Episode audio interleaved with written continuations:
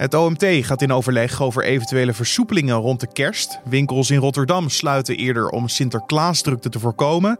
En Turkije is deze week flink opgeschikt door een enorme stijging van de coronacijfers.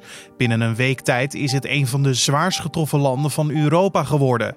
Daarom zijn er allerlei drastische maatregelen genomen. Zoals dat het land in het weekend op slot gaat. Hoe zit dat precies? Dit wordt het nieuws. En dan moet je je voorstellen, ja, dan schiet het aantal gevallen uh, om per 24 uur ineens omhoog van nou ja, zo'n 6500 naar uh, eergisteren uh, bijna 31.000. En dan heeft Turkije alleen de VS, Brazilië en India voor zich in dat lijstje. En ja, dat is natuurlijk uh, andere koek. Dat was Turkije-watcher Nick Augustijn. Vanuit Turkije praat hij jou en mij straks bij over de situatie daar. Maar eerst kijken we kort naar het belangrijkste nieuws van nu. Mijn naam is Carne van der Brink en het is vandaag vrijdag 4 december.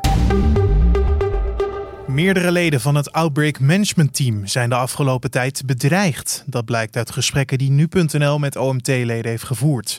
De huizen van verschillende leden van het adviesorgaan van het kabinet zijn bezocht en er zijn brieven met erin intimiderende teksten bij hen bezorgd. De bedreigingen leiden bij meerdere wetenschappers tot twijfels over of ze door moeten gaan met hun mediaoptredens.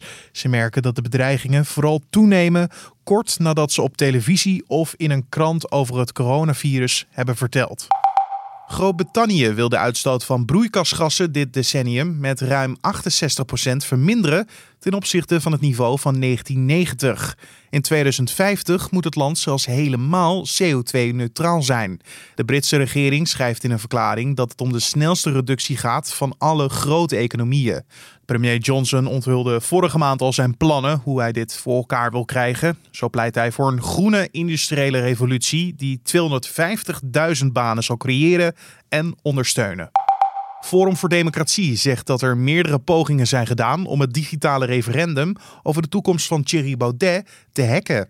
Die waren echter onsuccesvol, zo benadrukt de partij middels een verklaring op Twitter. Verder verwerpt de partij de kritiek van journalisten van onder andere NOS en RTL dat de stemming niet anoniem zou zijn. Leden van FVD mogen sinds donderdagavond stemmen over de vraag of zij Baudet nog als partijleider willen. De uitslag van het digitale referendum is volgens de partij bindend. Aankomend president Joe Biden heeft topviroloog Anthony Fauci gevraagd en te blijven adviseren over de aanpak van het coronavirus als hij is geïnaugureerd. Biden zei dit tijdens een interview met CNN. Fauci is momenteel een van de belangrijkste adviseurs van president Trump in de bestrijding van het virus. Echter ligt hij geregeld met het Witte Huis overhoop over de strategie die het moet varen. Adviezen zijn hard nodig omdat de Verenigde Staten de afgelopen 24 uur weer een record aantal nieuwe coronabesmettingen heeft geregistreerd.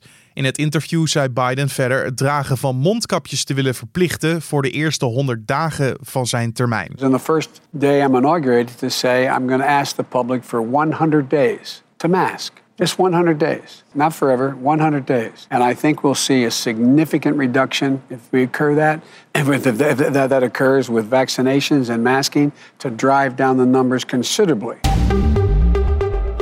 Door de week is er van 9 uur tot 5 uur een avondklok. En in het weekend gaat het hele land op slot. Dat zijn de stappen die Turkije heeft genomen om het coronavirus onder controle te krijgen. Het is nodig omdat het aantal nieuwe coronabesmettingen de afgelopen weken recordhoogtes bereikte. Net als de sterfgevallen door corona. Dat is gek, want vele Europese landen hebben het nu over eventuele versoepelingen en de eerste stappen rond het vaccineren van mensen. In Turkije hebben ze het nu echter dus over lockdowns.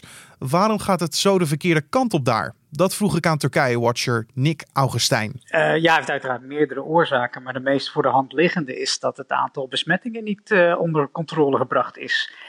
En dat is eigenlijk bovenal terug te voeren op het gegeven dat uh, Turkije niet het sociale vangnet heeft, nog dat kan betalen om ja, bijvoorbeeld meer werkenden thuis te houden en bedrijven gesloten te houden.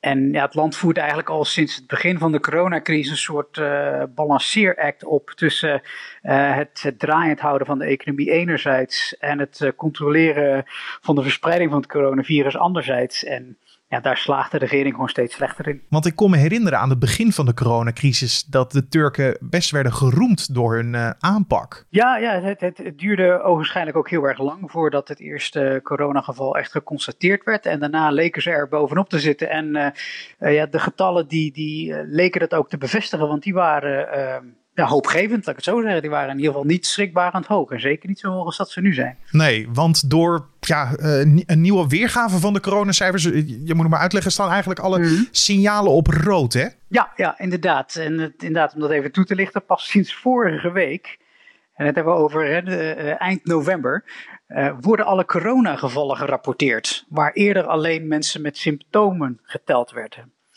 En dan moet je je voorstellen, ja, dan schiet het aantal gevallen uh, om per 24 uur ineens omhoog van nou ja, zo'n 6500 naar uh, eergisteren uh, bijna 31.000. En dan heeft Turkije alleen de VS, Brazilië en India voor zich in dat lijstje. En ja, dat is natuurlijk andere koek. En weten we waarom het dan niet werd gerapporteerd al die tijd? Nou ja, er is eigenlijk nooit een sluitende verklaring voor gekomen. Nee, dus of het nou was om uh, de, de situatie beter te doen lijken dan, dan die is, of, of, of iets anders. Uh, ja, we weten het gewoon nog niet eigenlijk. Nee. Hoe gek dat ook klinkt. Want je zou kunnen zeggen, ze hebben het eventueel onder het tapijt geschoven, maar er is gewoon heel veel onduidelijkheid? Nou ja, ja en nee. Kijk, de, de, uh, de Vereniging van Artsen die zal zeggen, nee, er was helemaal geen onduidelijkheid. We hebben vanaf het begin gezegd, of in ieder geval vraagtekens geplaatst bij de getallen die gerapporteerd werden, want die kwamen gewoon totaal niet overeen wat met wij eh, eh, in de ziekenhuizen zagen. En dat zag je eigenlijk onder de bevolking ook terug, eh, dat, dat ja, de argwaan steeds groter werd. men, men hoort toch van familieleden en van vrienden wat er allemaal gebeurt. men komt ook in die ziekenhuizen, men ziet ook wat er gaande is. En die druk die werd eigenlijk onhoudbaar en daardoor is eigenlijk de, de, de minister van Gezondheid zij het laatst tot één keer gekomen.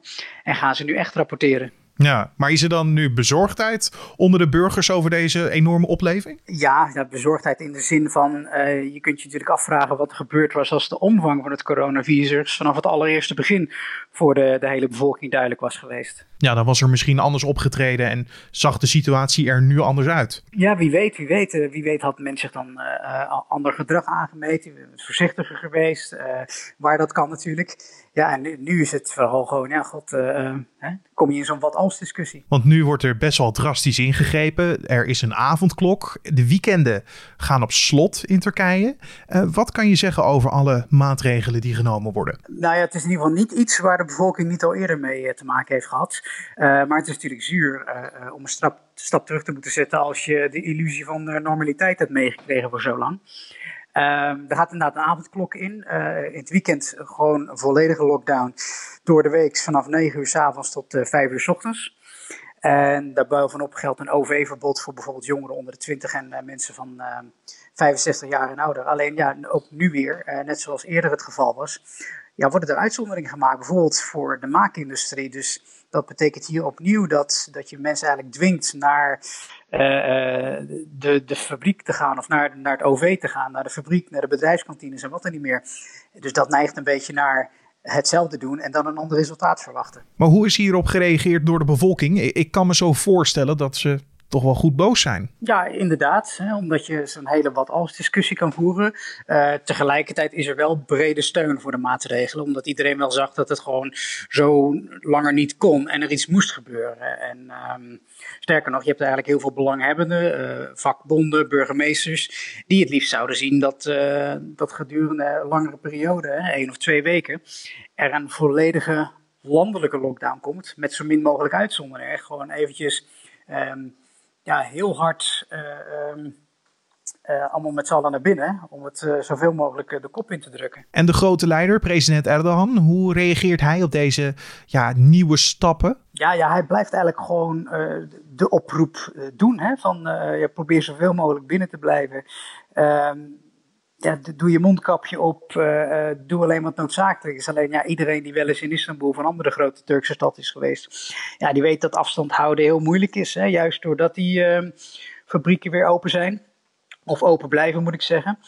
Um, dus ja, hij, hij zegt dan het een, maar hij maakt het ander mogelijk. door, vanwege de maatregelen zoals ze zijn. Ja. Um, dat gezegd hebben, je ziet ook wel dat iedereen een mondkapje draagt, maar ja, lang niet op de juiste manier. Uh, er wordt nog veel gerookt, ondanks dat daar nu een verbod op komt in de publieke ruimte. Want ja, dan gaat het mondkapje af en er was normalisering. Dus uh, vorige maand zaten de terrassen en restaurants ook nog vol. En ja, dan, je neemt natuurlijk ook geen slok met een mondkapje op. Dus ja, de, er is ruimte voor verbetering, uh, altijd overal en zo ook hier. Maar heeft hij ook al iets gezegd over de cijfers? Dat die ja, door dus de nieuwe telling opeens enorm hoog zijn? Uh, legt hij de schuld bij iemand anders bijvoorbeeld? Nou, laat ik het zeggen, zijn rol is in, in die zin een bijzondere omdat het natuurlijk iemand is met een reputatie van micromanagen en, en bemoeienis met van alles en nog wat. Maar op dit vlak onderstreept hij eigenlijk telkens dat het beleid door de experts van de wetenschappelijke raad wordt opgesteld en, en niet door hemzelf. Tegelijkertijd hoor je van diezelfde uh experts en de minister van Gezondheid dat zij op momenten wel echt voor strengere maatregelen hebben gepleit, maar dat die er toch niet van zijn gekomen. En ja, dan vraag je natuurlijk af uh, wie daar een streep doorheen heeft gezet. Dat geeft te denken. Ja, wie daar verantwoordelijk voor is of is geweest, dat blijft denk ik nog wel even een raadsel. Um, als je het hebt over hoge besmettingscijfers, dan is dat natuurlijk uiteindelijk terug te zien in de ziekenhuizen en de druk daarop. Zie jij dan nu inderdaad veel zorgwekkende berichten? Ja, dat, dat, dat is hier schering en inslag dat je berichten leest van uh, nou ja, de, de, de, vereniging artsen die aan de bel trekken. Uh, mensen die al uh, maandenlang geen vakantie hebben gehad of dat er geen overtijd wordt betaald. Um, ja, dat zijn echt mensen die wellicht meer dan elders nog op hun, op hun tandvlees lopen. En daarbij komt ook dat er zijn hier weliswaar veel IC-bedden.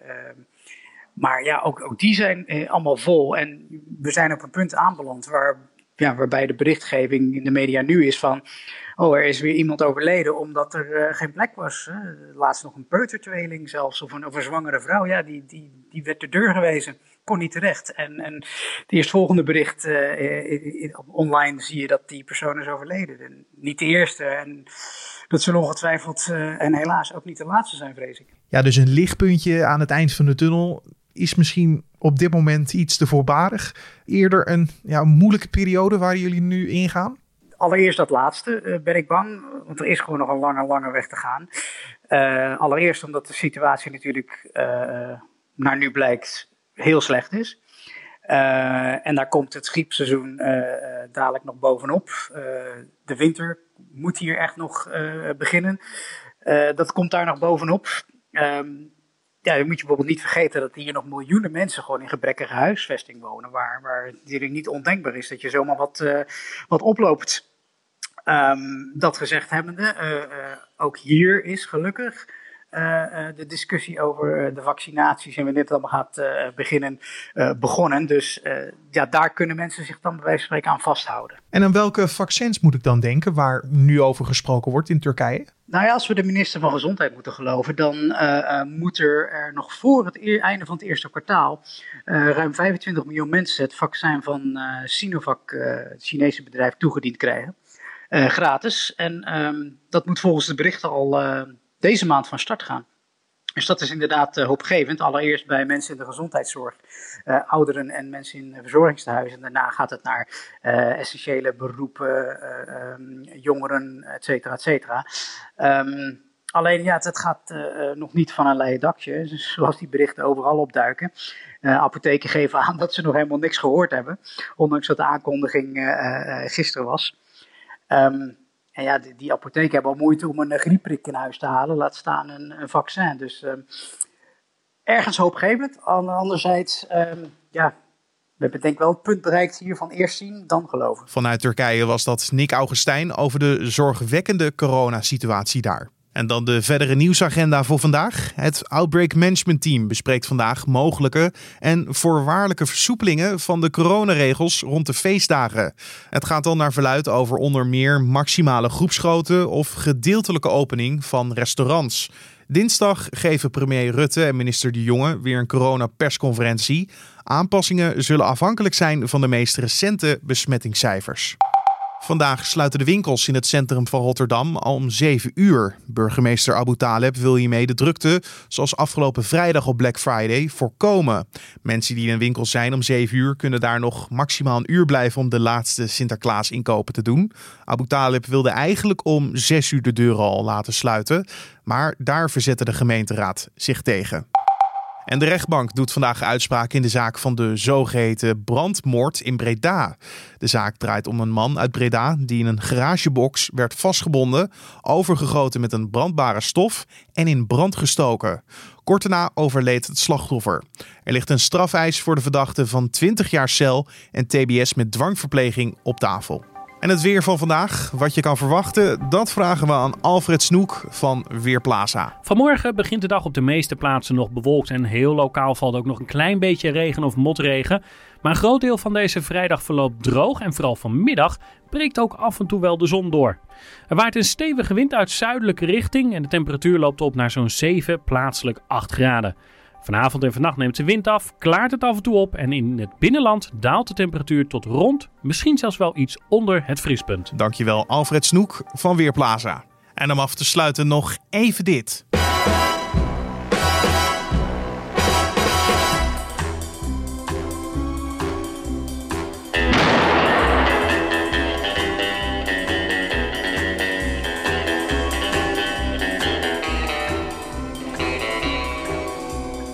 Een van de pistolen die Sean Connery tijdens zijn eerste optreden als 007-agent James Bond gebruikte, is in de Verenigde Staten verkocht voor bijna 260.000 dollar. Dat is omgerekend zo'n 250.000 euro. Dat maakte veilingshuis Julian's Auctions bekend. Het wapen werd gebruikt in de eerste James Bond film Dr. No uit 1962. En voor de kenners, dan hebben we het over een Walter P.P. De Schotse acteur stierf op 31 oktober op 90-jarige leeftijd in de Bahama's.